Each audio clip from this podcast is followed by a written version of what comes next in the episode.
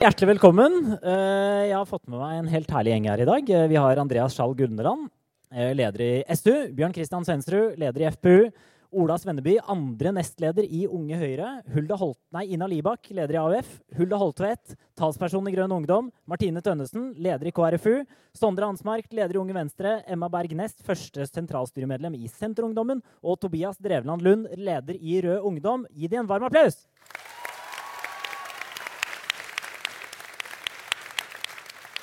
Vi skal debattere to, eh, to ting i dag. Altså, det blir sikkert mye mer enn det, men vi har to overordna, overskrifter. Eh, det er da klima, eh, hvor vi sikkert kommer til å komme innom veldig mye. Bompenger, flyskam, eh, litt diverse. Og så har vi profitt i velferden. Eh, og vi skal begynne rett på klima. Da skal alle i hele panelet få lov til å svare på det spørsmålet her etter tur. Eh, og vi skal begynne med deg, Andreas. Eh, Norge skal melde inn et nytt og forsterka Paris-mål i 2020. Eh, nå er målet 40 eh, av klimagassutslippene sammenligna med 1990-nivå. Eh, men vi har ingen krav til kutt fra industri, luftfart og olje. Dere skal få to spørsmål. Hva bør det nye målet være i kutt? Og hva er det viktigste vi kan gjøre for å nå det? Andreas.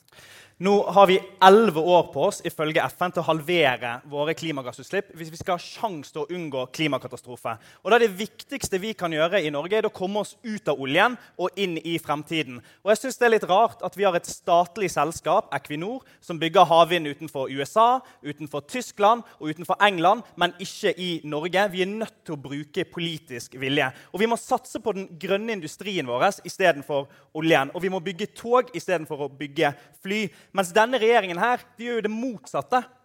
Mens 40 000 unge sto utenfor Stortinget og streiket for klima, så satt de der inne og ga 90 nye leteblokker til oljebransjen. De har gjort oss mer oljeavhengige, ikke mindre. Utslippene under denne regjeringen går opp, ikke ned. Så det beste klimatiltaket vi nå kan gjøre, det er at dere gir jobben til oss som vil handle i dag.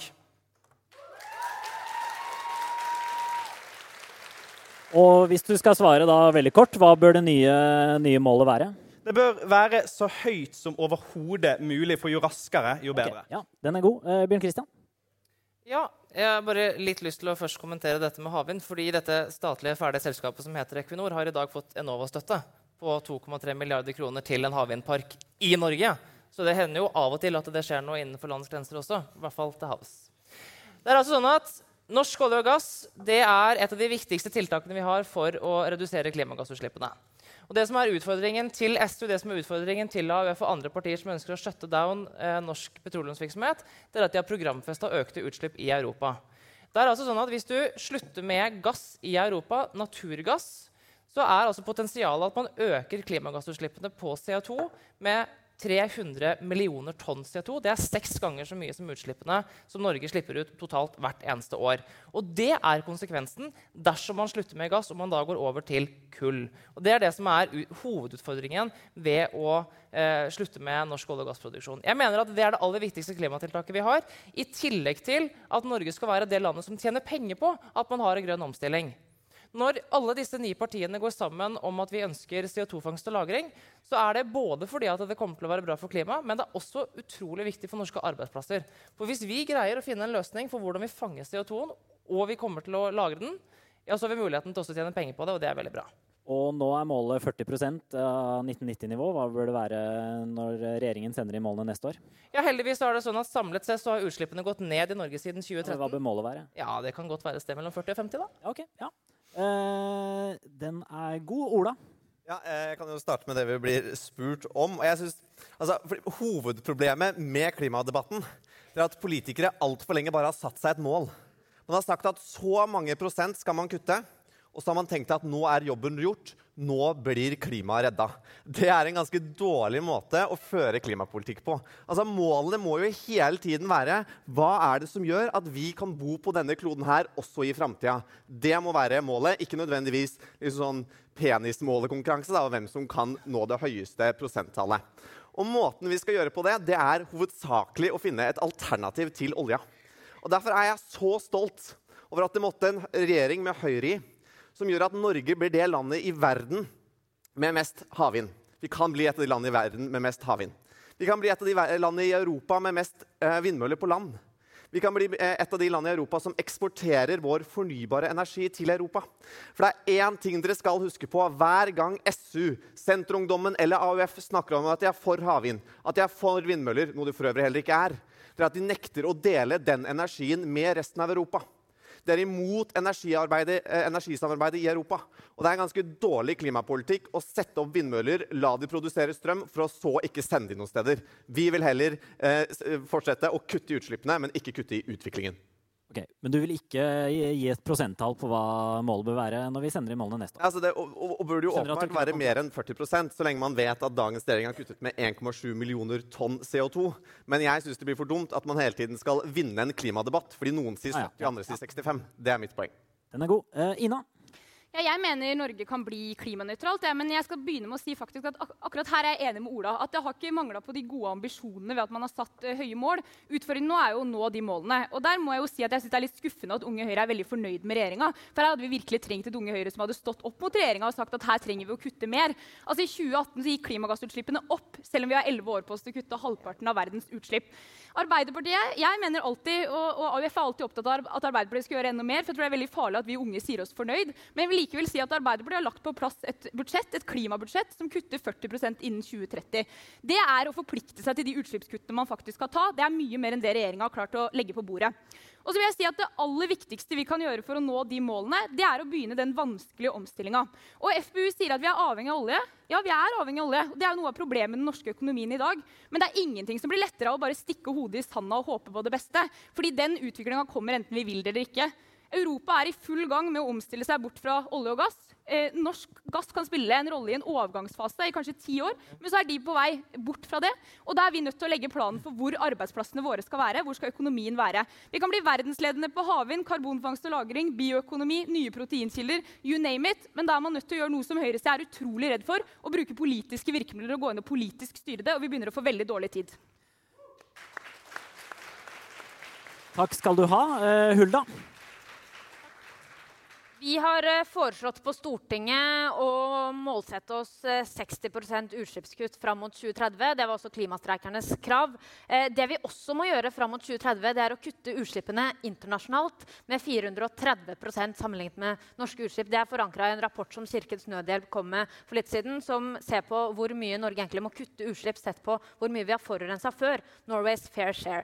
Eh, Så vi må gjøre to ting. For det første så må vi kutte utslipp hjemme. Det gjør vi både ved å eh, fase ut olja på en trygg måte. Og nei, Unge Høyre, å begynne å planlegge for utfasingen av oljenæringen, det er ikke å stoppe utviklingen i Norge. Det er å sikre utviklingen i Norge.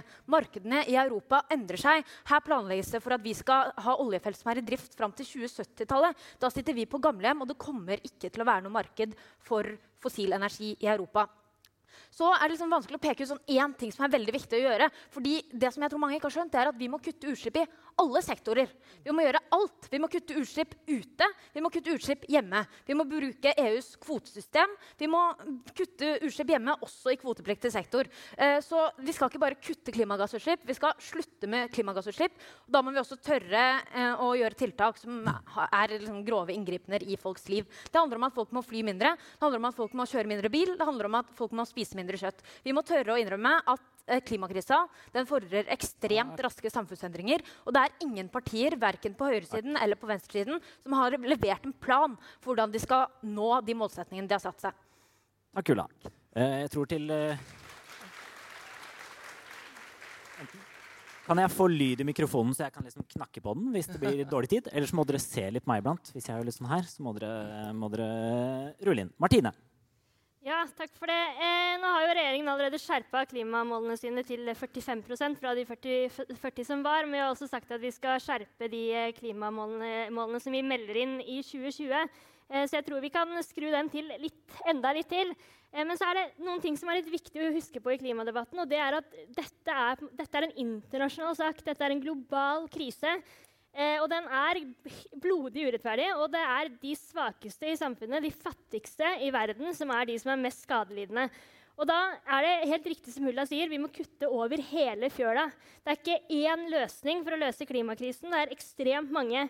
Og jeg mener at Norge har en nøkkelrolle når det kommer til fornybar energi og når det kommer til bærekraftig matproduksjon.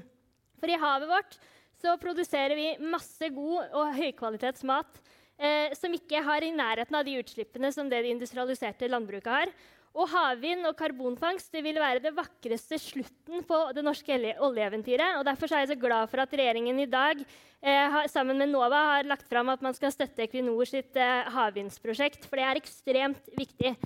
Og Norge må fortsette å ut, utvikle disse næringene. fordi eh, det handler ikke bare om hva det er vi kutter i Norge, det handler om hva vi får til internasjonalt. Og da må Norge investere i fornybar energi, vi må investere i utviklingsland, sånn at de også kan ta del i det grønne skiftet. Takk. Sondre? Jeg synes det er veldig fint at 1,5-gradersmålet er blitt en del av den politiske debatten nå. Men akkurat nå så beveger vi oss mot 4 graders global oppvarming. Vi vet at vi må kutte utslippene med 50 innen 11 år for å nå klimamålene våre. Og Norge må mest sannsynlig gjøre veldig mye mer enn det. For vi har tjent oss søkkrike på å pumpe opp norsk olje og gass, som har eksportert millioner på millioner av CO2 til resten av verden. I dag så finnes det 83 felt i produksjon på norsk sokkel. Det er mer enn nok. Nå trenger vi ikke flere. Norge fyller 50 år som oljenasjon i år. Og Istedenfor å gå i gang med å redde kloden og kutte utslipp, så vil Arbeiderpartiet og Høyre gå i gang med å åpne masse nye oljefelt som skal forlenge norsk oljeproduksjon med 50 år til. Så det betyr at de vil produsere olje helt til 2070, 20 år etter at verden skal ha null utslipp. Alle som sitter her inne, skjønner at vi ikke kan produsere olje 20 år etter at fristen er gått ut. Og så mener jeg Det viktigste vi kan gjøre for, til, for å kutte klimagassutslipp i Norge, det er å sørge for at vi binder oss til EUs klimapolitikk. For EU har altså verdens mest ambisiøse klimapolitikk. Og ikke bare de høye ambisjoner, de klarer å gjennomføre de. EU har kuttet utslippene sine med 23% siden 1990, mens Norge har økt sine. Så hvis vi skal kutte utslipp i verden, så må vi stå på lag med Europa. Land må komme sammen for å løse den aller største utfordringen i vår tid, nemlig å kutte klimagassutslipp. Takk, takk skal du ha. Du slutta der. Emma. Takk. Du spør hva vi vil melde inn som mål til neste år. Jeg synes det er minst like relevant i dag å si hva vi vil begynne å gjøre nå. Senterungdommen vil jobbe for at bruken av fossile energikjelder blir fasa ut. Nasjonalt og internasjonalt. Vi kan bruke Alt som kan lages av olje, kan lages av skog. Og det er på høy tid at vi begynner å investere de pengene vi har, og den kunnskapen vi har fra olje, i skogen. For vi skal løse klimautfordringene, vi skal kutte utslipp. Men det må vi gjøre på en måte som er rettferdig, sosialt og geografisk. Det nytter ikke å komme med avgifter som rammer deg like hardt om du bor på Majorstua og tjener 5 millioner, som om du bor på Vestlandet og tjener 500 000. Det må vi huske på. For det er lett å stå her og tro at alle i dette landet har tog og T-bane og trikk og buss og bysykkel og elsparkesykkel tilgjengelig til enhver tid. Men det er ikke realitetene i hele landet. Så vi i Senterpartiet vi vil jobbe for det grønne skiftet, men vi vil ha med hele landet på det. Takk. Eh, vil du stramme til eh, kuttene neste år? Bør man eh, stramme til kravene neste år? Bør man ha mer enn 40% i ja. mål? Ok, yes, topp. Eh, da er det Tobias.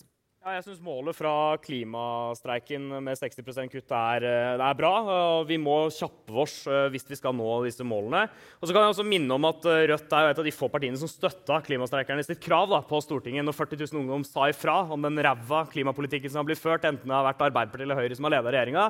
Så var det altså vi og SV og MDG som støtta de kravene, og det er jeg veldig stolt av. Men det vi trenger, er en ny industriell revolusjon. Og du hører ofte Rødt kanskje snakke om revolusjon, men her er det altså snakk om da for å skape nye arbeidsplasser arbeidsplasser vi kan leve av i framtida. Vi trenger flere pilotprosjekter offshore havvind. Det er veldig bra at regjeringa og Equinor nå har starta med det og, gjør, og begynner med det i Norge og ikke bare i Skottland. Vi trenger pilotprosjekt med dyp geotermisk energi. Vi må opprette et nasjonalt industrifond. og Det har også Rødt foreslått på Stortinget. Vi har de beste forutsetningene med eh, den oljeformuen vi har, nettopp til å reinvestere de inn i nye grønne arbeidsplasser, slik at vi kan ha noe å leve av i framtida. Og så må vi huske på alle de flotte, flinke fagarbeiderne der ute i olja som sitter på vanvittig mye kompetanse og vanvittig mye kunnskap som vi kan bruke inn mot det grønne skiftet, og det heier vi i Rødt veldig på.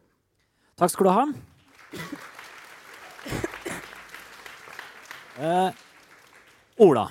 Mange eh, mener at oljepolitikken man fører i dag, eh, som også Sondre i hvert fall påsto her, eh, fører til at vi kommer til å fortsette med oljeproduksjon i all overskuelig framtid. Hvem er det vi skal selge olja vår til i 2050? Altså, Målet med oljepolitikken det, det er liksom, det, Jeg tror ikke, ikke engang Høyre eller Frp er jo liksom prinsipielt for olje. Målet er jo ikke at man skal produsere olje. Men vi lever i et samfunn hvis man skal kjøpe seg en mobil, så er det seks liter olje i den. I skosålene til alle her så er det olje. I transportsystemene våre så er det olje. Så for meg så er liksom det viktigste vi kan gjøre, det er jo å skape en politikk som gjør at vi ikke lenger trenger olja.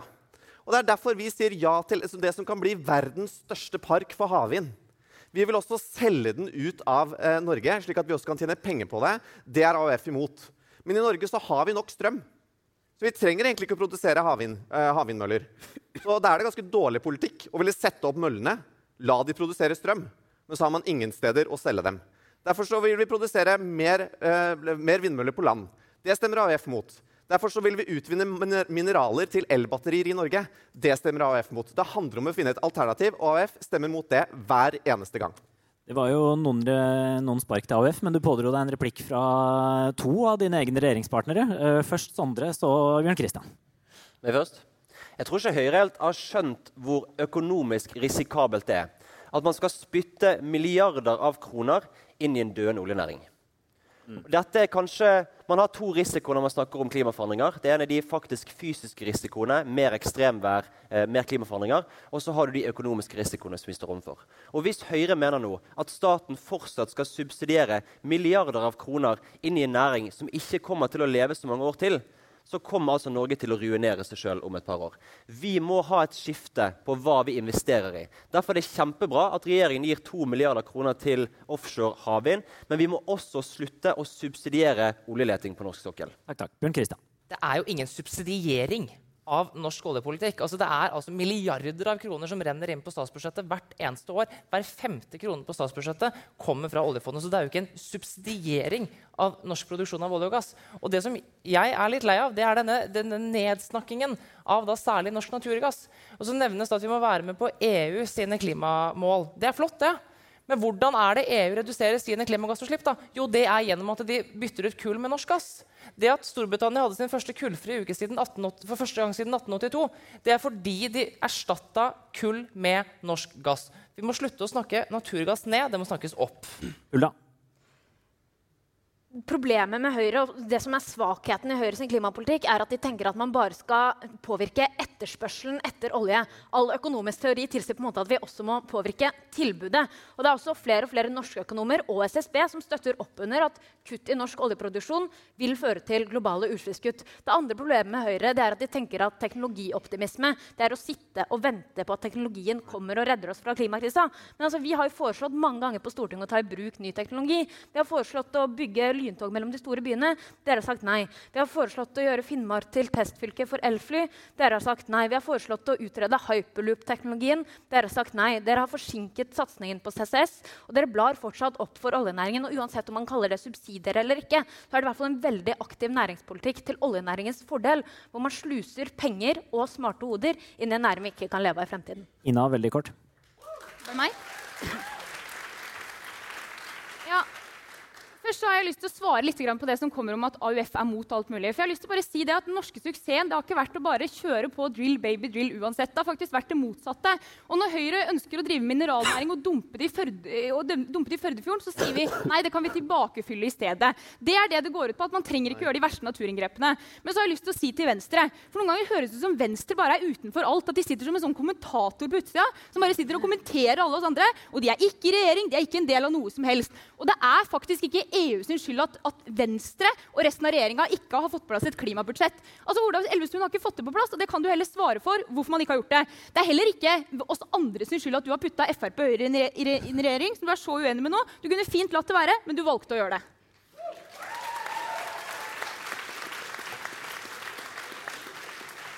Vi skal uh, også litt videre, men uh, Andreas uh, skal få en kort kommentar. Så skal Ola få lov til å svare til slutt. Jo, for det er sånn at vi subsidierer oljebransjen i dag. Ja, vi tjener penger på de feltene som allerede er åpnet, men verden har funnet fem ganger så mye olje, kull og gass enn det vi kan forbrenne. Skal vi ha sjanse til å løse klimakrisen?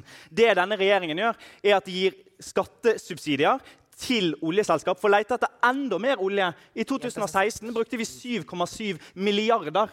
Det er syv ganger så mye som det dere skryter om og havvind i dag, som vi kunne brukt på grønn industri istedenfor å kaste det etter oljebransjen. Ja, eh,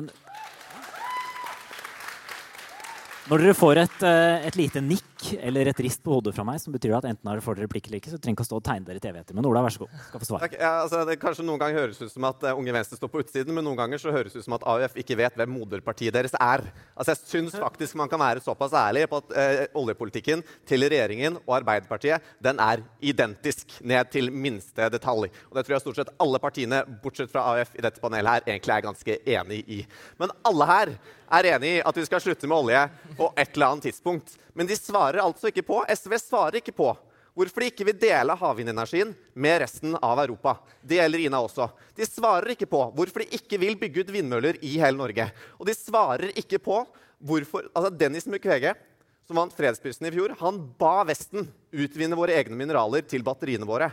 Han ba oss ta det ansvaret eh, som er vårt, og jeg syns faktisk at vi også skal lytte til ham.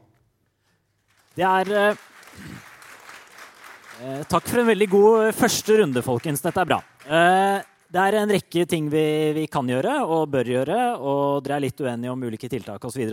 Men en rekke klimapolitiske tiltak er også veldig upopulære. Altså Flyseteavgiften er upopulær, bompenger er upopulært. De som blir ramma av en del klimatiltak, liker det ikke. Og Hulda, altså hva skal til for at klimasaken nå ikke kveles av interessekamp og folkelig motstand? Jeg tror det handler mye om uh, de andre partiene. jeg tror det handler mye om uh, at f.eks. Senterpartiet Senterpartiet har jo en klimaretorikk som går ut på at hele landet skal med. Samtidig så foreslår de ikke et eneste tiltak som faktisk kutter utslipp. Og hver gang noen foreslår et tiltak som kutter utslipp fra f.eks. flytrafikken eller biltrafikken eller landbruket, så fremstiller de det som en krig mellom by og land. Og så er det mye prat om dette skambegrepet. Uh, og det er mange politikere som også anklager De Grønne for å liksom, påføre folk skam. Altså, jeg mener ikke at flyskam og kjøttskam kjøttskam er noe mer dramatisk enn at det er en positiv holdningsendring i at folk har blitt mer miljøbevisste. Det er jo noe som alle bør heie på. Og jeg synes Det er interessant hvordan Høyre har gjort det til sin kommunikasjonsstrategi eh, å rope skam hver gang noen foreslår et klimatiltak. Når noen foreslår å kutte i flytrafikken, eh, så advarer de mot flyskam. Når vi foreslår å kutte i kjøttforbruket, så tar de kampen mot kjøttskam. Og det samme med bilisme og bilskam.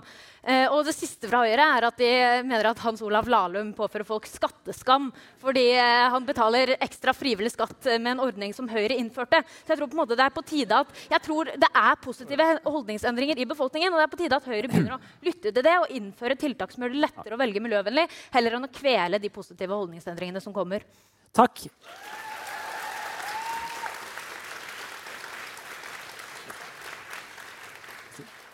veldig fint med klapping og sånn, men den tar veldig mye taletid. Altså, men det er greit. Um, Bjørn Kristian, du skal få stamme spørsmål. Uh, partilederen din antyda vel til og med at uh, denne skammen kunne være en slags ny sosialistisk strategi slash konspirasjon for, ja. å, for å påføre folk politikken sin. Men, men, jeg vil heller stille deg det spørsmålet som Hulda også fikk. Altså, sånn, du også sier jo at du er opptatt av at vi skal nå, nå klimamål. Eh, og avverge klimakrisa. Altså, hva skal til, da, du som eh, partiet ditt som må kjenne folk flest, for at interessekampen ikke skal ta overhånd, og at det skal bli for stor folkelig motstand mot, mot grepene? Fordi det vil jo smerte noen. Vi kan starte med å legge ned bomstasjonene. Nei da. Uh, vi må finne løsninger som uh, faktisk monner. Altså tiltak som, uh, som, som, er noe som gjør at man faktisk får uh, reelt sett redusert utslippene. Altså, når man hører om flyskam og kjøttskam og at man skal, altså Det er nærmest som man skal skamme seg for å leve. Det er litt sånn, det, det minner meg om prester på 1800-tallet som gjorde at folk skamma seg for at man synda. Det er litt den samme retorikken som brukes når folk skal skamme seg for at man flyr eller at man spiser kjøtt. Jeg syns ikke at man skal skamme seg over å leve. Men kan jeg nevne to eksempler? Konkrete eksempler på hva som kan gjøres for å redusere utslipp. Ett fra privat næringsliv og ett fra kommunalt. Fordi vi som er i vi, ja, jeg skal prøve på det. Vi som er politikere, vi har også et ansvar. Særlig ute i kommunene og ute i fylkeskommunene. Og da er det veldig viktig å følge med på okay, hva er det mine lokale politikere gjør. 2.9. så skal jeg på offisiell åpning av Horten videregående skole, som er altså kåra til verdens mest miljøvennlige offentlige bygg. Og det er med Fremskrittspartiet ved roret i Vestfold. Det er altså ned til hver minste lille detalj kjempa for at man skal redusere CO2-avtrykket. Det er kakaobønneskall i gulvet så langt har man gått for å redusere CO2-utslippene. Eh, det er bygd i massivt tre, og jeg tror også det er verdens største vindeltrapp i massivt tre. Så det er sånn helt sinnssyke former for hvordan man kan redusere CO2-utslipp. Og det er fordi vi har politikere som tar ansvar med Fremskrittspartiet i spissen. Et annet eksempel det er Color Line hybrid. Vi er glad i harryhandel. og da skal jeg i hvert fall ikke skamme meg for å ta Sandefjord Strømstad. Og nå kan man også ta Color Hybrid, som også er Color Lines store satsing på hvordan man skal redusere klimagassutslippene. Og man kan flåse litt med det, men det er altså enorme mengder med strøm på Color Hybrid, som er eh, fantastisk. Men da er man også helt avhengig av at man har strøm på land som skal være fornybar, og som sørger for at man kan forsyne den båten med strøm. Takk skal du ha. Tobias. Tusen takk, fordi Jeg er veldig glad i Skam, altså det vil si serien, men jeg er ikke glad i den skammen som vanlige folk blir påført på den måten. For at De som bør skamme seg, jo, det er klimaprofitørene. Det er de 100 selskapene som står for 71% av verdens utslipp. Det er derfor de rikeste som har satt oss i den knipa vi er i nå, som burde skamme seg, og de som burde betale mest for å få oss ut av det. For dette er jo litt dobbeltmoralsk når de flyr i privatflyene sine, men samtidig klager på folk som klager på bompenger. Eh, fordi det, blir helt feil, eh, det blir helt feil ende.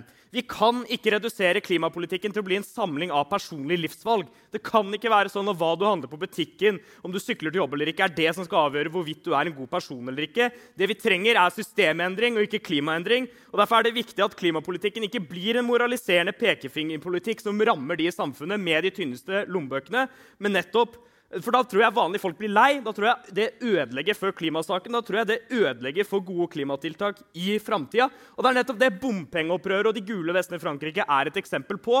Fordi når du tyner folk så mye og kommer med pekefingeren og sier sånn skal du leve livet ditt, og det går ut over vanlige folk, alle disse tiltakene, ja, da tar de til gaten, og da får bompengepartiet rent flertall i Norge. på en måte. Og det, det kan vi ikke la vi kan ikke la oss tillate det, og derfor trenger vi å ta et oppgjør med det økonomiske systemet. Også det, den politikken som har blitt ført, som har gått ut over vanlige folk. Det er de rike som må betale. Det er de som har forurensa. Den er god. Emma. Takk. I morgen så skal jeg hjem til Sogn og Fjordane. Jeg har tenkt å fly. Hvis jeg skulle reist eh, kollektivt på annet vis, er alternativet mitt buss. Da hadde jeg kommet hjem på mandag. Det var den helga. Det er på tide at vi begynner å snakke om politikk og løsninger som vi kan sette i verk nå, og slutte å be folk om å skamme seg. Det er ikke rettferdig å forlange at folk skal slutte å flytte på seg, men det er rett og på tide at vi begynner å gjøre det smartere. Derfor vil vi elektrifisere kortbanenettet. Vi vil ikke skamifisere det. Vi vil styrke elnettet, bygge ut elladere, vi vil satse på kollektiv. Det er masse gode tiltak vi kan gjøre, men vi må ha en forståelse i bunn for at vi må fremdeles ha lov til å flytte på oss i dette lange landet. Og så må jeg få si bitte litt på kjøttskam. For nå blir det påstått at vi skal slutte å produsere mat sånn her i Norge. Regjeringa er godt på vei med å øke import fra andre land. Det de gjør da, er å flytte verdiskapning og flytte klimautslipp ut fra Norge til andre land. Vi bor i en verden der befolkninga vokser, og det samme gjør behovet for mat. Og da kan ikke vi legge ned vår egen matproduksjon og begynne å satse på import fra andre land. Det er feil. Takk skal du ha. Du pådro deg en, eh, da, en replikk som Hulda skal få. Fikk jeg ordet? Ja.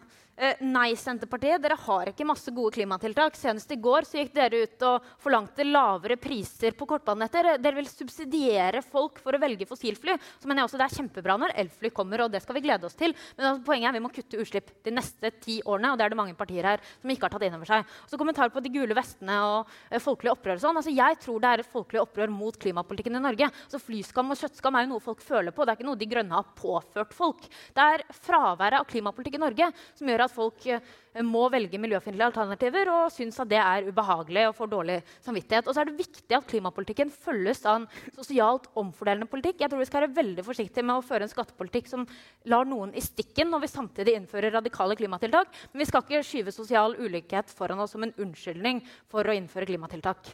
Takk. Ina, hvis folk ikke vil ha klimakuttene, men de vil fortsette med livsstilen sin med bil uten bom osv., bør de ikke få lov til det? Eller, altså, hvor villig er du og AUF eh, hvor langt er du villig til å gå eh, for å pålegge folk livsstilsendringer eh, for at vi skal nå klimamålene? Ja, jeg har egentlig lyst til å begynne der Hulda slutta, og det er på fordelinga. Fordi jeg er helt enig at man trenger en fordelingspolitikk som funker hvis man skal gjøre radikale ting på klima.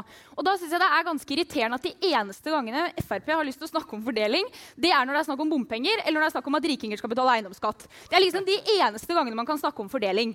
Og det blir et problem, fordi når vi har hatt den urettferdige skattepolitikken til regjeringa nå, når man har kutta i ytelsene til de som er aller minst i landet vårt, når de 10% med lavest inntekt ikke har hatt reallønnsvekst, så gjør det at folk føler føler en urettferdighet. Og jeg tror ikke det at noen har liksom én lommebok som er til bompengene, og én som er til alt annet. Jeg tror man har én felles lommebok for alt, eller mest sannsynlig har man bankkort. da synes jeg 2019.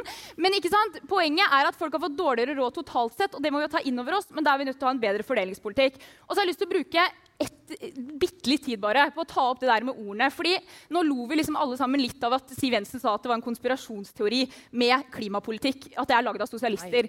Jo, jo men, men, hun sa det. Det var, en, det var snikinnføring av sosialistisk politikk.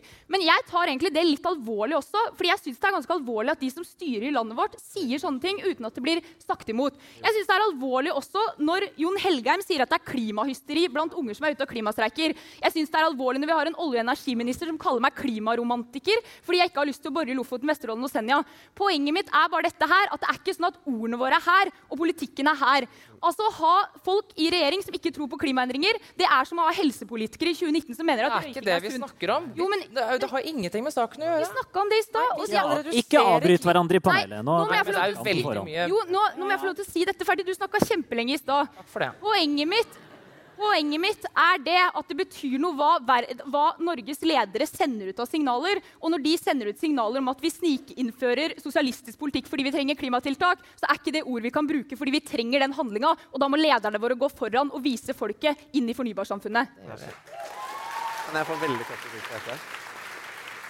Lyn, lynrask replikk til Ola før Andreas skal få neste. Altså, Klimagassutslippene skjer fordi vi slipper ut for mye CO2, ikke fordi Jon Helgheim sier dumme ting på TV.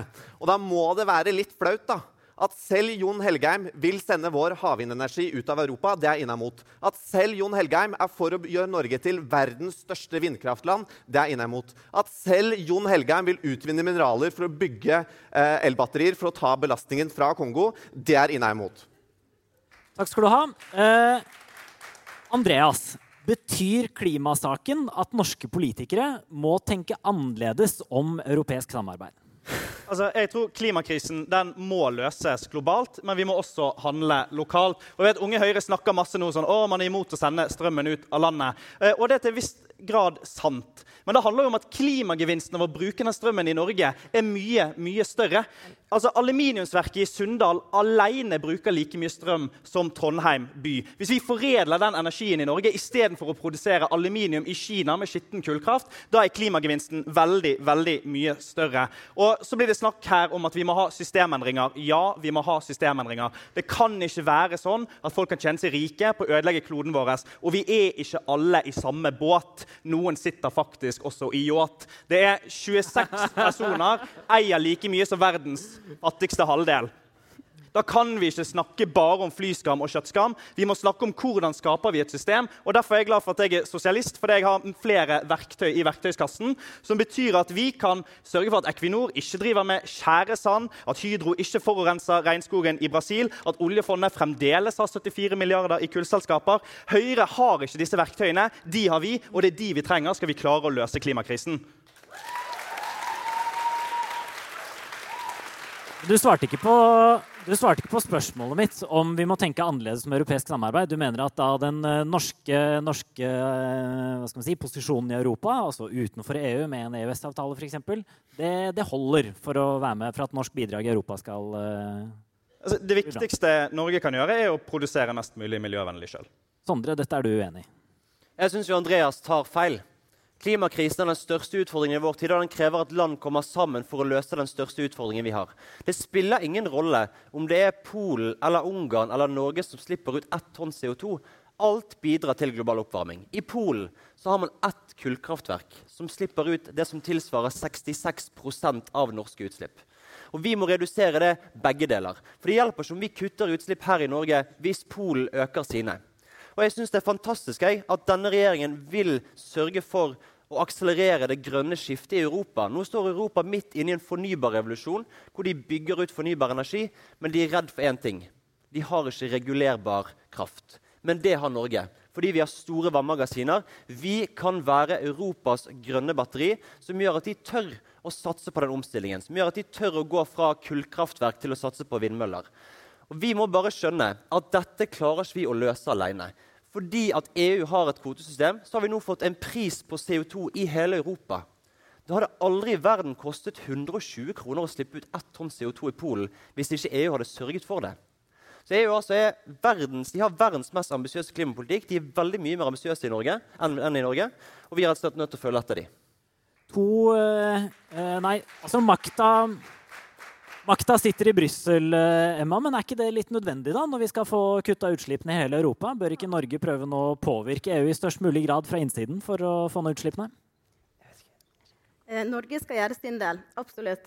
Eh, og nå har regjeringa bedt Stortinget om å godta en avtale med EU annet, som forplikter oss til å kutte akkurat de samme utslippene som vi allerede er forplikta til å kutte, men at vi skal gjøre det gjennom EU sitt regelverk, som vi annet ikke vet hva betyr for norsk skogproduksjon. Det er vi imot. Og som jeg sier, når Venstre står og snakker fint om å kutte i CO2-utslipp, at han sitter i en regjering som har gått imot næringslivet sitt eget initiativ om å få på plass en miljøavtale om å kutte utslipp i næringslivet gjennom et CO2-fond for tungtransport, som vil kunne kutte utslipp for veitransport årlig med omtrent 2 millioner tonn. Og så må jeg få legge til også, når vi, Det blir nevnt her at vi har tatt til orde for å eh, senke prisen på reise på kortbanenett innenriks. At eh, Grønn Ungdom elegant unngår å legge til at vi samtidig har tatt til orde for å øke prisen på flyreiser utenlands, som er den største stigninga av flytransport og det største problemet. Fordi vi har en reell forståelse for at noen trenger fly i hverdagen sin, mens andre som reiser på chartertur til, til New York og Thailand, kan begrense flyginga si. Tobias, hva i Norge er du ikke villig til å ofre for å redde klimaet? Noe jeg ikke er villig til å ofre? Nei, altså, jeg tenker jo f.eks. den norske grønne krafta vår. At den er veldig fin da, å ha. At den burde vi ikke ofre eh, på alteret til EU. Det er viktig at vi bruker den for å nettopp utvinne grønne, eh, foredle ressursene vi har i Norge. Blant annet lager vi verdens reneste aluminium. Eh, og det synes jeg vi burde fortsette å gjøre. Og da kan vi ikke selge all strømmen ut på billigsalg til Europa. Da må vi bruke en del av den strømmen. Og så enda mer grønn energi til å nettopp lage grønne, gode industriprodukter i Norge. For ellers er det industridøden. Takk skal du ha. Nå må vi forholde oss også litt kortere i vekslinga fremover. Eh, Da hadde jeg eh, Hulda. Poenget er veldig enkelt. Når sola skinner på solcellepanelene i Spania, så kan vi importere kraft fra dem hvis eh, vannmagasinene våre står stille. Og når det regner og det er mye vann i våre vannmagasiner, så sender vi kraft ut til Europa. Så enkel er den europeiske energidugnaden. Og jeg syns det er veldig synd at kraftsosialismen fortsatt står så sterkt i SV og Rødt at de prioriterer lave strømpriser i Norge foran den eh, grønne europeiske dugnaden. Altså Målet her er jo at den grønne aluminium skal, skal kunne produseres i hele Europa. Fordi det er fornybar energi i hele Europa. Og det klarer man ikke uten samarbeid. Dessuten, hvis vi trekker oss ut av det europeiske energisamarbeidet, så vil vi fortsatt være med i det nordiske energisamarbeidet med Danmark og Sverige. Og når vi da eksporterer kraft til Danmark, så vil de bare selge den videre til Europa. Så det er på en måte ikke noe, noe vits å melde seg. Takk skal du ha. Nå skal Andreas få en kjapp svareplikk. Ja. For det jeg er opptatt av, er at vi kutter klimagassutslipp på mest mulig effektiv måte. Og det er ikke sånn at det å liksom bare sende strømmen eh, rundt omkring nødvendigvis er den mest effektive måten å bruke grønn energi på. Det har et effekttap på å sende strømmen i kabler ut av Norge på rundt 5% Det er 5% vi heller kunne brukt til å produsere verdens reneste aluminium, ren silisium, og skape de 200 000 arbeidsplassene vi trenger å leve av etter oljen. Og det er den beste måten for oss å bidra internasjonalt med vår grønne kraft. Ha den kortreist og produsere den og videreforedle den her. Men vi, det er, det er, det. Ja, ja, takk. Det var en svareplikk. Uh, Martine, du har vært veldig tålmodig nå. Ja, jeg, jeg, Det er veldig interessant å på en måte høre hvordan eh, eh, SU og Rødt eh, og alle andre, eller noen av dere andre, eh, og eh, Senterungdommen eh, Hvordan dere prater akkurat som at vi kan på en måte Vi kan bare produsere masse masse, masse strøm i Norge, og da produserer vi alle mulige ting i Norge. Og så er alt handler på en måte bare om Norge. Fordi dette handler ikke bare om Norge. Norge I Norge så kjører vi veldig, veldig mange av oss kjører elbil. Til og med Sylvi kjører elbil. Eh, vi får eh, stort sett all strømmen vår fra vannkraft. Vi har muligheten til å utbygge eh, havvind, vi har muligheten til å utbygge landvind. Eh, gjør vi det, så må vi kunne eksportere den strømmen til Europa for at det på en måte skal monne. Eh, og veldig, nå har vi diskutert skam, eh, og vi, diskutert, vi diskuterer jo ikke noe annet enn bompenger eh, ellers, annet enn i dette rommet her. Og jeg tror veldig ofte så blir bare klimapolitikken diskusjoner om symboler. Istedenfor at man faktisk diskuterer de som, de som blir påvirket av, av klimaendringene. De fattige i verden som må legge på flukt pga. de klimaendringene vi ser. Og vi må bruke tida vår i mye større grad til å diskutere de løsningene som gjør at man eh, kan løfte folk ut av, av fattigdom og løfte de ut av en klimakrise. Og For å få til det så trenger vi at vi har teknologisk utvikling. Vi trenger at Norge eksporterer strømmen sin. Vi trenger at Norge er med og bidrar i utviklingsland for å få flere over på det grønne skiftet. Eh, og da må politikerne, altså, Vi skal gjøre ting her hjemme. Politikerne skal legge til rette for at eh, folk velger, eh, velger eh, klimavennlige løsninger. Eh, men vi må alltid huske på at når vi kutter utslipp, så må vi kutte de over hele fjøla. Det holder ikke at Norge kutter noen ting hvis, det, hvis utslippene går opp i utlandet. Eh, så det å klare å ha to tanker i hodet på samme tid er helt avgjørende for at vi skal løse den klimakrisen som vi har. Og det er en klimakrise. Og det er noe som ikke bare krever én løsning, men utrolig mange i utrolig mange ulike land. Ola, eh, bompenger rammer vanlige folk, og det er de som har mest, som også forurenser mest. Eh, alle må åpenbart kutte utslipp, men hvem skal bære den tyngste børen i Norge? Skal du hulle, eller Ola? Ola, ja, det er meg. Eh, altså, Hvem skal bære den tyngste, tyngste børen? Altså, det, er, det er jo et liksom essensielle poeng ved norske skattesystemet og avgiftssystemet eh, overalt at, at måte, den, de som har de bredeste skuldrene, også skal ta den tyngste børen. Det er på en måte derfor 38 av de, eh, derfor, blant annet derfor de 10% rikeste i landet også betaler nesten 40% av all skatt. Men når det kommer til klima, så mener jeg også at det viktigste prinsippet av alle det er at den som forurenser, også skal betale for det.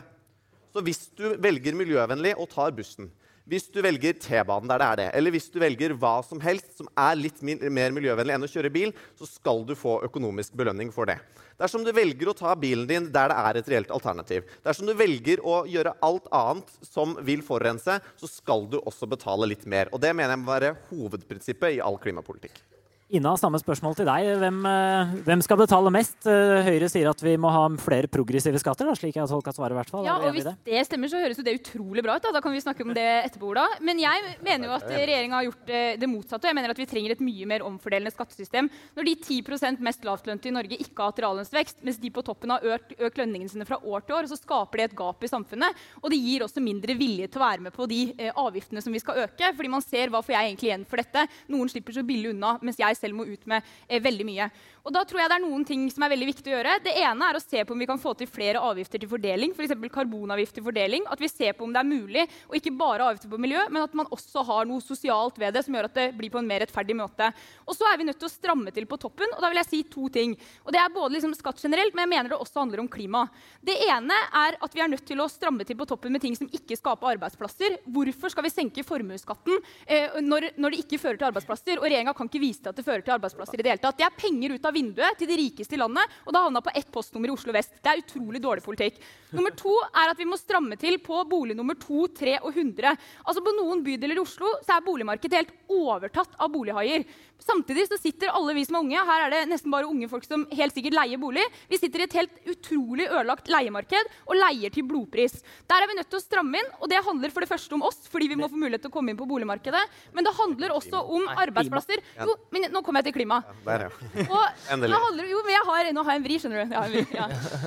Og det handler også om de arbeidsplassene vi trenger, og det at det skal lønne seg å f.eks. investere pengene sine i noe grønt, i nye grønne arbeidsplasser, i stedet for sånn som det er nå, så er det mest lukrative du kan gjøre hvis du er en riking, da, eh, og det er å, å, investere pengene dine i bolig. Det er dårlig næringslivspolitikk, økonomisk politikk og klimapolitikk. Takk skal du ha, Ina. Sondre, du får uh, siste innlegg i klimadebatten. Jeg synes Et av de tydeligste skillelinjene i norsk klimapolitikk har blitt mellom de som ønsker at prinsippet om at forurenser betaler, skal gjelde, som, som vi ønsker, og de som mener at internasjonalt samarbeid er viktig. Og jeg mener at Denne regjeringen satser på begge de delene. Fordi at Nå er eh, bompengesatsene rekordhøye, samtidig som det går rekordmye penger til kollektivtransport. Vi øker CO2-avgiften, men vi senker skattene på arbeid og verdiskapning. Og Det er det grønne skiftet i praksis. Det handler om å gå fra rød og blå skatt til grønn skatt, hvor vi belønner de som tar klimavennlige valg, og straffer de som tar klimafiendtlige valg. Men hele denne diskusjonen om EU og om man skal dele energien med resten av verden, gjør meg veldig bekymret. For Hvis venstresiden skal vinne makten i 2021, så står altså det internasjonale klimasamarbeidet på spill. Hvis SV skal sitte med klimaministeren, så står det internasjonale klimasamarbeidet på spill. Det har skjedd et paradigmeskifte i norsk klimapolitikk. Før var det sånn at politikere kunne love hva som helst. De kunne love 100% kutt. Men de ble ikke stilt til ansvar for det. Og nå har vi altså sørget for at når vi binder oss tett sammen med EU sin klimapolitikk, så er vi nødt til å gjennomføre det vi lover. Og det vil føre til at man kutter utslippene med 50% innen 2030. Takk skal du ha. Eh, Fredrik Solvang eh, og NRK de har jo helt, eh, helt sånn rå jingler og alt mulig når de skal bytte tema og masse kule videoer og sånn. Eh, men dere kan gi dem en skikkelig fin applaus istedenfor.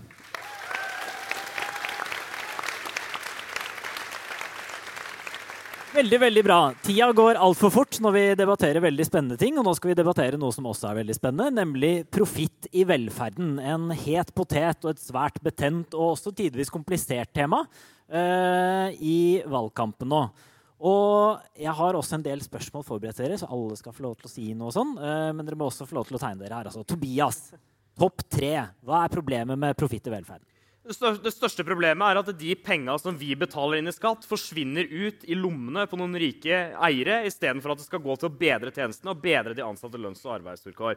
Det andre problemet er at hvis en kommunal eier hadde gjort akkurat det samme, så hadde det blitt eh, sagt for å være bedrageri og svindel. Man hadde blitt straffa.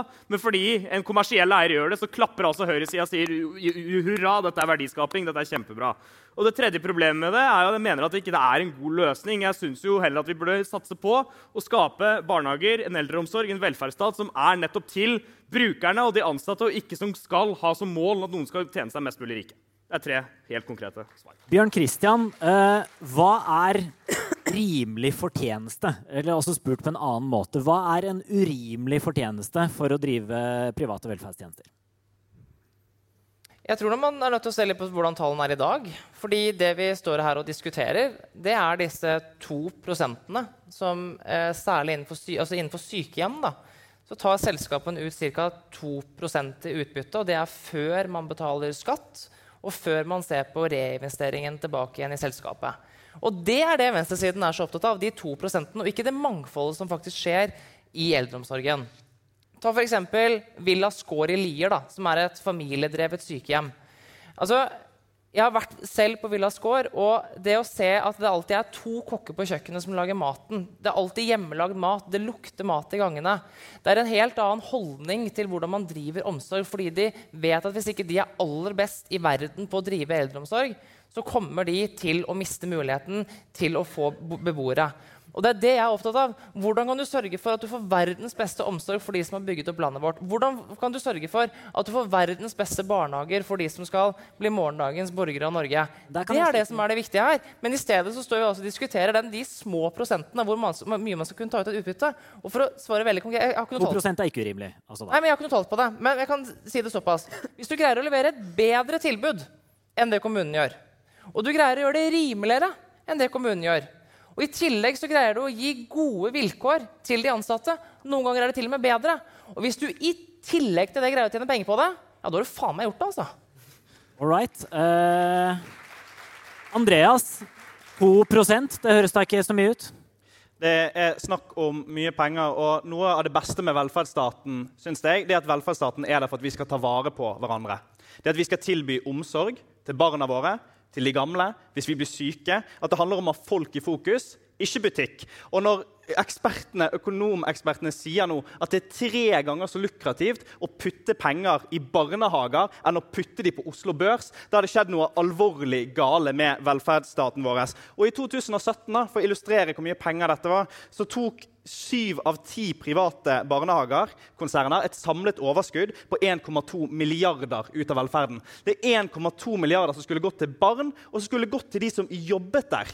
For det er, er det noe man kan kutte på på disse eldrehjemmene eller i barnehagene, så er det de ansatte som utfører tjenestene. Og det har til og med man faktasjekket. Du tjener dårligere i snitt hvis du jobber i det private enn hvis du jobber i det kommunale. Og jeg vil ikke at de som gjør de viktigste jobbene i velferdsstaten, skal være de som blir ofret for det at dere skal leke marked og butikk. Eh, Ina, Ina eh, behovet for eh, private tilbydere har jo tidvis vært stor, som f.eks. da man innførte barnehagereformen eller under flyktningkrisa. Altså hvis private aktører ikke får lov til å tjene litt penger, kommer de til å stille opp neste gang vi trenger de da? Ja, jeg har lyst til å gå inn på det med barnehage, for det er noe som vi har diskutert mye tidligere i valgkampen. Og jeg er enig i at vi trengte de ideelle som bygde opp barnehagene. Og da var det jo ideelle som begynte. Jo, det var ideelle. Nå kan dere la meg få snakke bare i ett sekund, hvert fall, før du begynner å riste på hodet. jeg kan riste på Nå hodet. syns Det er jeg, nå jeg du bør høre. Eh, fordi tidligere, den, tidligere i den valgkampen her, så var jeg i debatt på Arendalsuka. Og da var det en fra Unge Høyre som nevnte en, en barnehage som het Jallbakkane, og sa den lå i nærheten av Arendal. Det gjorde den ikke, den lå i Volda.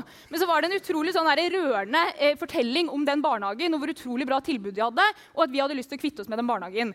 Og så viser det seg etter at det er jo en av de ideelle barnehagene.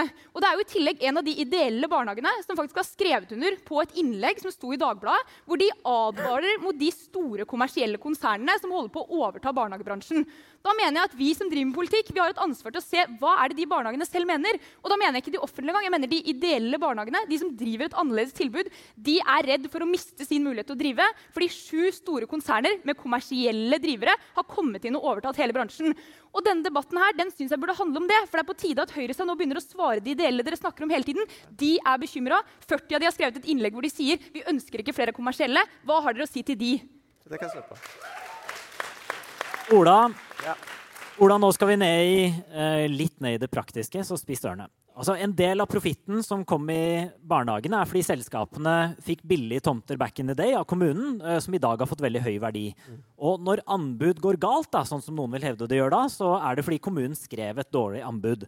Eh, og for å skrive gode anbud så trenger man flinke og dyre jurister ofte, og sterke fagmiljøer i kommunen. Og hvis ikke jeg husker helt feil, eh, så har bare 13% av kommuner under 5000 innbyggere en jurist, f.eks. Kan det være at små kommuner er relativt flinkere til å drive velferd enn de er til å lage den perfekte kontrakta? Ja, altså Jeg er veldig for kommunesammenslåing. hvis det er det du spør meg om. Altså, jeg synes åpenbart at Hvis du er en for liten kommune til å ha en oppegående jurist, da er du for liten til, til å være kommune i seg selv. Så Det er det korte svaret på det. Og så finner man hele tiden eksempler på private barnehager som ikke har drevet riktig. Du finner eksempler på private eldrehjem som ikke har drevet riktig, og du finner eksempler på fastleger som driver riktig. Legg merke til fastleger. De vil de ikke snakke om enda, men de kommer sikkert fratatt eh, muligheten til å tjene penger etter hvert, de også. Men poenget mitt er, da kan man godt også nevne at Sørlandet sykehus hadde 1289 brudd på arbeidsmiljøloven. Universitetssykehuset i Nord hadde 90 000. Trondheim kommune hadde 26 000, og så skulle Arbeiderpartiet ta seg sammen, så ble det 50 000 året etterpå.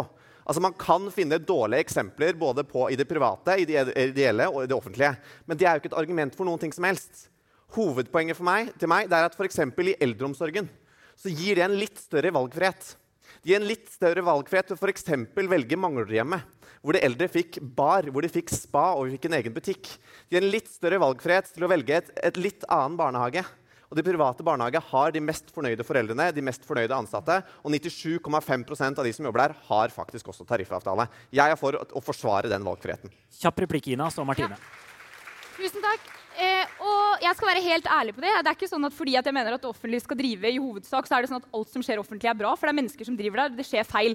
Problemet er jo at når man lar kommersielle overta, sånn som man gjorde i barnevern for eksempel, så var det 70% av barnevernstjenestene som måtte bruke kommersielle. Og da sa de barnevernstjenestene selv vi mister oversikten. Det er ikke mulig å kontrollere det. For de tilbudene som kom inn kommersielt for å drive for å, for å tjene penger, de la ned den ene dagen, de lagde nye selskaper de oppretta. Det ble veldig vanskelig å gå inn med feil. Det er bedre med at kommunen driver. Og så har jeg lyst til å si med Manglerudhjemmet, er veldig godt bilde. Jeg har vært på Manglerudhjemmet selv. Kjempegodt tilbud. Grunnen til at de har en bar der, for eksempel, og mange av de gode tilbudene, det er fordi de har fått tilskuddsordning fra kommunen. Det er et kjempebra tilbud, men det er altså de ansatte som skaper det tilbudet. Det er ikke de som sitter på toppen og er kommersielle eiere og investerer i skatteparadiser som gjør det. Og de sykepleierne fortjener skikkelig lønn, arbeidsvilkår, og det kan vi gi de samtidig som de får lov til å drive kjempebra syke sykehjemstilbud. Ja, helt enig. Takk skal du ha. Eh, så holder vi det sivilisert i panelet. Vi trenger ikke å avbryte. Dere skal få komme til ordet. Og nå er det Martine som har vært veldig, veldig tålmodig. Ja. Ja, nei, utgangspunktet mitt eh, når vi prater om, eh, om velferden, det er jo at mennesker er ulike, og at mennesker trenger ulike tilbud fordi at man er forskjellig og man har ulike ønsker. og Derfor så heier vi veldig på de ideelle aktørene. Og jeg mener at det heller ikke er, det er ikke noe feil i å kunne tjene penger. Eh, fordi vi trenger mennesker som tør å stå opp, tør å, å våkne hver, hver, morgen og gjøre noen ting og, og utvikle en velferdstjeneste. Enten om det er en, eh, på barnehjem eller om det er eh, i, en, i en barnehage. Eh, det jeg er opptatt av, det er at det skal være gode arbeids- og lønnsvilkår for de menneskene som jobber der. Det er det i all hovedsak. Man har brudd både i privat og offentlig sektor. Eh, og den private sektoren blir mer eh, sjekka enn det det offentlige blir. Eh, jeg er opptatt av at de som mottar tjenestene, de skal være fornøyde. De skal oppleve at det de mottar, det er bra, og det er godt for dem. Og det ser man jo at folk er mer fornøyd i, i private barnehager enn det de er i kommunale barnehager. Og da syns jeg det er så utrolig merkelig at venstresida skal drive og rekommunalisere barnehager. At de ikke vil åpne barnehager som er bygd. Eh, at de eh, på død og liv skal ha at Istedenfor at det er ulike Ja, det er noen der, eh, Som Ina påpeker, da, så er det ikke syv, men seks eh, kommersielle kjeder som driver en del barnehager. Eh, de har jo en konkurranse seg imellom. De må levere varene sine.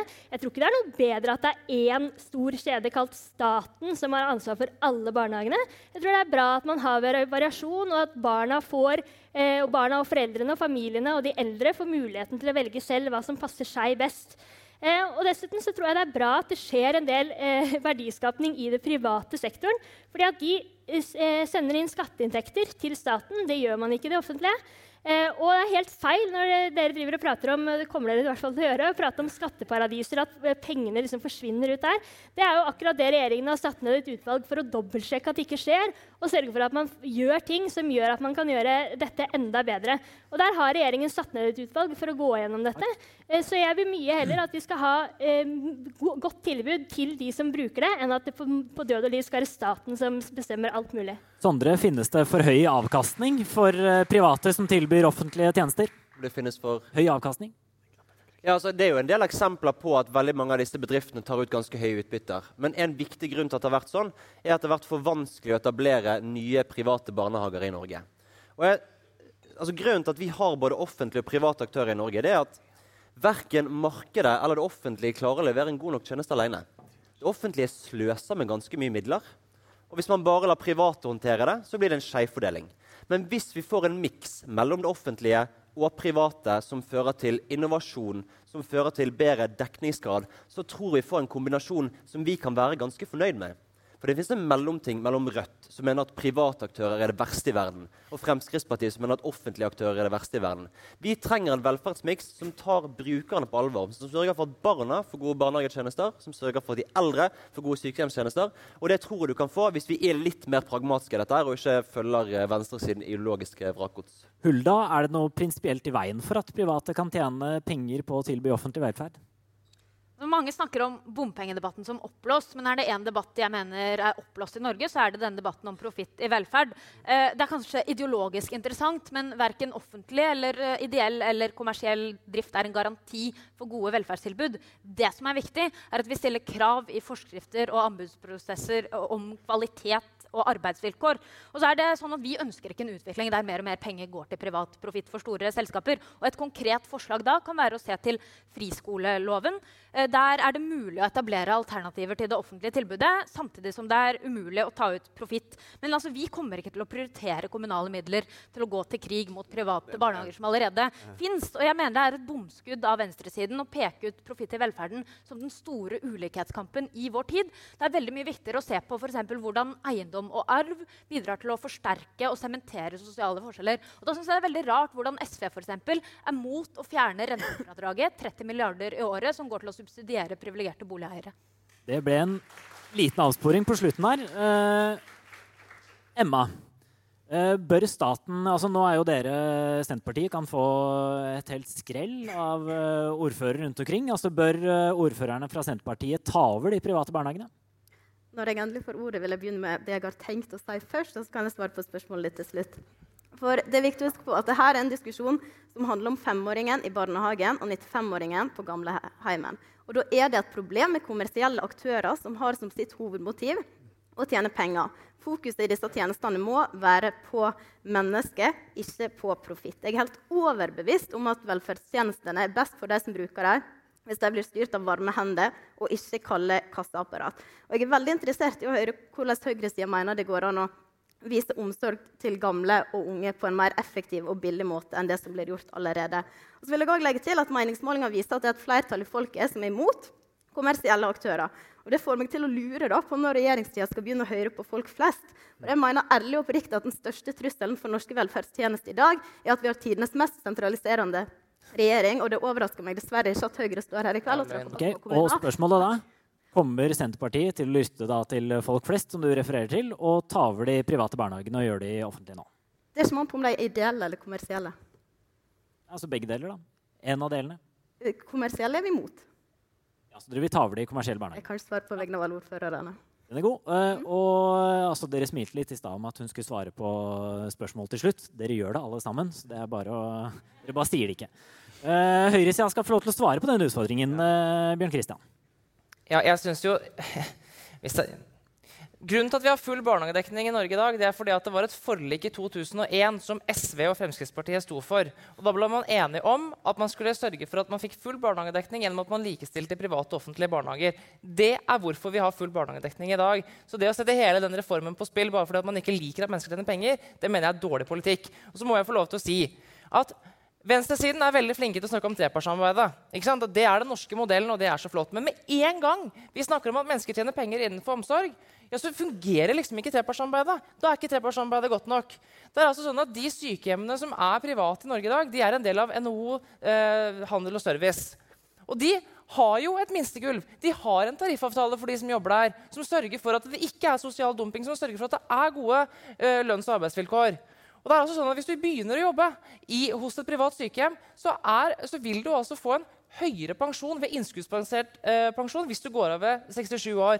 Så det som jeg synes er den største utfordringen når man snakker om dette, det er at man kommer med en sånn fantasi om at det er så forferdelig å jobbe på private, eh, private institusjoner. Privat Omsorg Nord i, i Tromsø blir lagt ned nå 1.9. Og det er hjemmetjenester, fritt brukervalg. Og det er så viktig for Arbeiderpartiet å legge ned. Det er sykefraværet sykefravær på 0,5 de de ansatte har sendt brev til kommunen hvor de ber om at de ikke skal legge ned bedriften deres.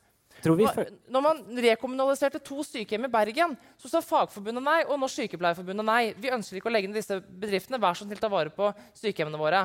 Og da er det feil at det er så forferdelig å jobbe Nå avbryter du meg, da, plutselig. Nei, Ina, Det er altså sånn at det er feil at det er så forferdelig De er grusomt å jobbe i privat omsorg. Og la oss for guds skyld ha litt mangfold da, innenfor omsorg i Norge. Var du kom med en tidlig tidlig utfordring til uh, egentlig venstresida da, om trepartssamarbeidet. Kan du ikke svare på det? Hvorfor stoler vi ikke på Men- trepartssamarbeidet innenfor det private, Andreas? Selvfølgelig stoler vi på trepartssamarbeidet, men det jeg synes er rart, er jo at man snakker her som og, og vi er venstresiden imot, og det er feil å tjene penger og sånne ting. Det er jo ikke sant i det hele tatt. Hadde dere vært opptatt av at det var lov til å tjene penger, så hadde dere sørget for at de som jobber i disse bedriftene, får høyere lønn. Det har blitt faktasjekket. Det kan man gå inn og google og se at de som jobber i de kommunale, tjener bedre. Og? Nå, det ble snakket veldig mye her om barnehageforliket og hva SV var med på. Verden så ganske annerledes ut. da. For ti år siden var det 1227 flere ideelle barnehager enn det det er i dag. Og det er 1000 flere kommersielle. Fordi de kommersielle skviser ut de som driver barnehager, fordi de er opptatt av å gi best mulig omsorg. Tobias? Ja, fordi Det blir snakka om mangfold her. og bare La oss se på barnehagesektoren. Fra 2005 til 2017 så har vi fått 58 000 flere barnehageplasser i kommersielle barnehager. Samtidig mista vi 19 000 barnehageplasser i ideelle barnehager. Så de ideelle barnehagene som bl.a. Martine snakka varmt om, som jeg også syns er veldig bra, ja, det, nei, de blir spist opp av disse kommersielle barnehagekjedene som vi snakker om. Og så er det denne verdiskapinga. Jeg mener at det er en vesensforskjell forskjell, og det å selge pølser på Esso og det å passe på barn. Det å jobbe på Kiwi og selge noe brød og det å passe på de gamle. Jeg mener at det er en forskjell, og alt trenger ikke å være butikk og marked, selv om at høyre, høyresida elsker det. Jeg tenker at Velferdsstaten vår det er for alle. Der burde det være slik at de skattepenga vi betaler inn, de skal gå til mest mulig velferd til resten av oss for en lavest mulig pris. Eh, og til å, øke eh, bemanning og for å sikre gode lønns- og arbeidsvilkår til de som jobber her. Det er jo en grunn til at fagbevegelsen er mot dette. her. Jeg vet ikke om disse eksemplene Bjørn Kristian trekker fram, men LO er mot profitt i velferden. Venstresidepartiene er mot profittferden. Nå er det på tide at vi følger etter. Moss, Bergen, Tromsø, Trondheim, Oslo, mange andre steder er. Her skal du- krav om Her skal du få en oppfør-. Her skal du få en, eh, en utfordring tilbake. Altså, du, du sier det er en forskjell. eh, Det tror jeg alle kan være enige om, at det er, altså, det er forskjellige yrker. Men hva er den prinsipielle forskjellen? Jeg mener det er en prinsipiell forskjell og det å selge en vare og det å passe på og det å jobbe med mennesker. Og dette her er ikke så veldig radikalt som det høres ut som. Dette var helt vanlig fram til vi fikk en boom i disse kommersielle velferdsselskapene på slutten av 80-tallet og begynnelsen av 90-tallet. Og særlig da i barnehagesektoren på 2000-tallet etter barnehageforliket. Jeg mener at velferden det burde være et rom for, eh, for det kommunale, for det ideelle, ikke for kommersielle selskaper som har som mål å tjene seg rike på helsa vår, Ola, på barna Ola. våre og på ja, framtida. Ja, altså, eh, altså, jeg synes Det er interessant for at Tobias sier lavest mulig pris. Det er ikke jeg så opptatt av. Jeg er mest opptatt av best mulig kvalitet. Og så er Det sånn at det er på en måte ikke noe overraskelse at Tobias er mot overskudd, som profitt er. Det er på en måte kjernen i kommunisme. Men det som bekymrer meg litt mer, er derimot når det brer om seg i AUF. Og hva er det neste? Altså, Fastleger, f.eks. De gir man de, eh, Dere vet da vel vel strengt talt at det fortsatt er kommunister. Eh, eh, men uansett, altså, eh, fastlegene for eksempel, de får statlig tilskudd. De jobber med mennesker. Skal, man, skal, skal ikke de få lov til å tjene penger lenger, de heller? De, ruspsykiatrien, rusomsorgen, det er også privat. Kan ikke de få lov til å tjene penger lenger? Jeg er, vi skal ha verdens beste eldreomsorg, verdens beste barnehagesektor, som skal være offentlig. Men jeg syns faktisk at hvis noen har lyst til å velge litt annet enn det Tobias og Ina syns er greit, og Andreas, så skal de faktisk få lov til å gjøre det også. Ina. Ja. Tusen takk. Altså, jeg har lyst til å si to ting. Det ene er at Noe av det mest gunstige man kan gjøre hvis man er investor, det er å gå inn i disse tjenestene. her. Og det er fordi Man tar jo ingen risiko. Man bare går inn i et marked hvor man vet at staten gir penger til deg uansett når du driver. Det er utrolig dårlig deal, og det gjør også at arbeidsplasser som kunne vært privat, de hentes liksom inn i det offentlige stedet. Så det er dårlig også for arbeidsplasser hvis man er opptatt av arbeidsplasser og økonomi. Så jeg er opptatt av en annen ting, og det er hva fagfolkene selv sier, og de i sektoren selv sier. Og da har jeg lyst til å bruke barnevernet som et eksempel, for der sa fagfolka helt tydelig fra. Det er for stort innslag av kommersielle. Det gjør at det blir et utrolig oppstykka system for ungene. Det gjør at de legger ned på dagen. Det opprettes nye hele tiden. Det er veldig vanskelig å finne et system. Da er jeg opptatt av at man skal lytte til det. Og så vil jeg lytte til noen andre, og der håper jeg at Høyrestad kan svare. for fortsatt ikke fått svar på det, for Dere snakker om de ideelle hele tiden, og dere skal få svare. Jeg skal bare si det veldig kort. Og det handler om de ideelle barnehagene som selv sier at de kommersielle har overtatt. Og hvis dere ikke er opptatt av å svare meg, for det vet jeg at dere ikke er, så håper jeg dere i hvert fall vil svare de, for det er altså 60 enkeltstående ideelle barnehager, de koselige barnehagene dere snakker om hele tiden, som sier vi vil drive med det kommersielle har overtatt. Og nå trenger jeg ikke en ny historietime om barnehageforliket og tilbake til 90-tallet. Mye var bra, musikken f.eks. Men ikke sant? nå lever vi i 2019, og, vi er opptatt, og nå, er det, nå er du nødt til å svare til de 60 barnehagene som er bekymra for driften sin. Høyresida skal få svare, og den delen av regjeringen som har rekt opp hånda veldig lenge også. Martine.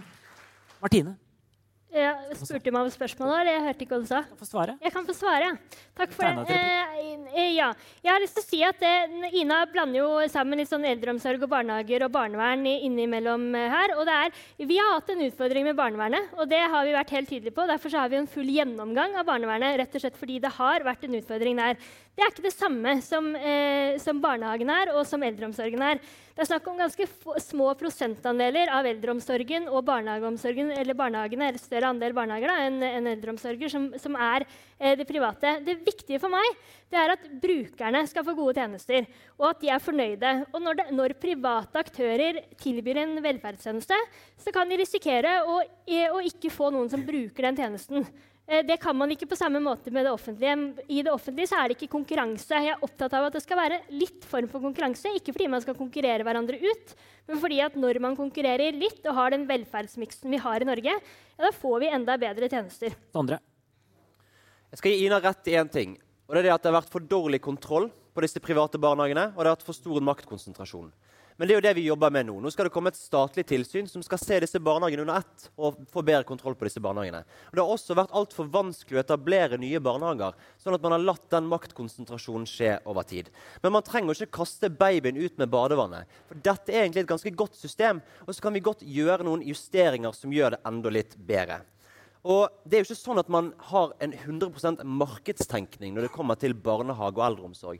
Venstre har jo for sørget for at tusenvis av barn og unge fra lavinntektsfamilier nå får gå for gratis kjernetid i barnehagene. Det er ikke markedstenkning. Det er ikke markedstenkning når staten går inn med flere millioner, om ikke milliarder kroner hvert eneste år for å sørge at folk får lov til å gå i barnehagen, når vi er med på å betale for at folk skal gå i private barnehager. Dette er to helt forskjellige ting. Og På tidlig 2000-tall så ba man også om en dugnad fra de private, ideelle og kommersielle om å bygge ut et godt tjenestetilbud i Norge. Og Hvis man nå skal gjøre det neste gang, så er det jo ingen som kommer til å gjøre det i frykt for at venstresiden skal si at ja, men da får du ingenting tilbake for det. Dette er folk som har ofret blod, svette, tårer fra første sekund, tatt opp høye lån, bygget ut barnehager. De bør også kunne få ut, ta ut litt profitt. Bjørn Kristian, uh, Høyresida gjentar til stadighet at det er for lite privat kapital i Norge. Også da fra et næringspolitisk perspektiv. Mm. Er det dette vi skal leve av i framtida? Altså levere offentlige tjenester? Er det lurt å senke den private kapitalen i å tilby offentlige tjenester? Jeg mener jo det er lurt at man har privat kapital, for det er det som sørger for at man får nye arbeidsplasser. Burde ikke den vært i industrien i jo, andre jo, jo, næringer istedenfor å få offentlige midler for å skape profitt i en næring? Men det, det, mener jeg at man må skille på. fordi at Noe av det viktigste vi kan gjøre for å få nye grønne arbeidsplasser i Norge, det er jo å fjerne formuesskatten, fordi at det er en akilleshæl i norsk skattepolitikk som sørger for at det er, nesten, det er veldig vanskelig i hvert fall, å starte opp nye grønne bedrifter i Norge. Og når de skal vokse, så eh, ender de fort opp med å bli eh, solgt til utlandet. Men så er det sånn, det, det er én ting. Og så er spørsmålet hvordan kan vi sørge for at vi får best mulig velferd i den andre enden? Og Det mener jeg er to forskjellige ting. Fordi at Det som jeg mener i hvert fall er det viktigste når vi diskuterer om bestemor skal eh, komme på sykehjem eller om barna våre skal komme på barnehage, det er jo hvordan kan vi skape verdens beste omsorg for de eldre? Hvordan kan vi sørge for at vi får verdens beste barnehage for barna våre? Og det er, det er, altså jeg mener at det er viktig med en liten historietime, jeg. Fordi at man glemmer hvordan det faktisk var. Vi er 90-tallister, mange av oss, født på 90-tallet. Og det er også sånn at Da jeg skulle på Lilleås gård barnehage i Horten, så tok altså min far med meg, han dro med meg ut i bilen, ut fra bilen, satte meg ned foran en barnehage og sa her skal han gå. Sånn var det før.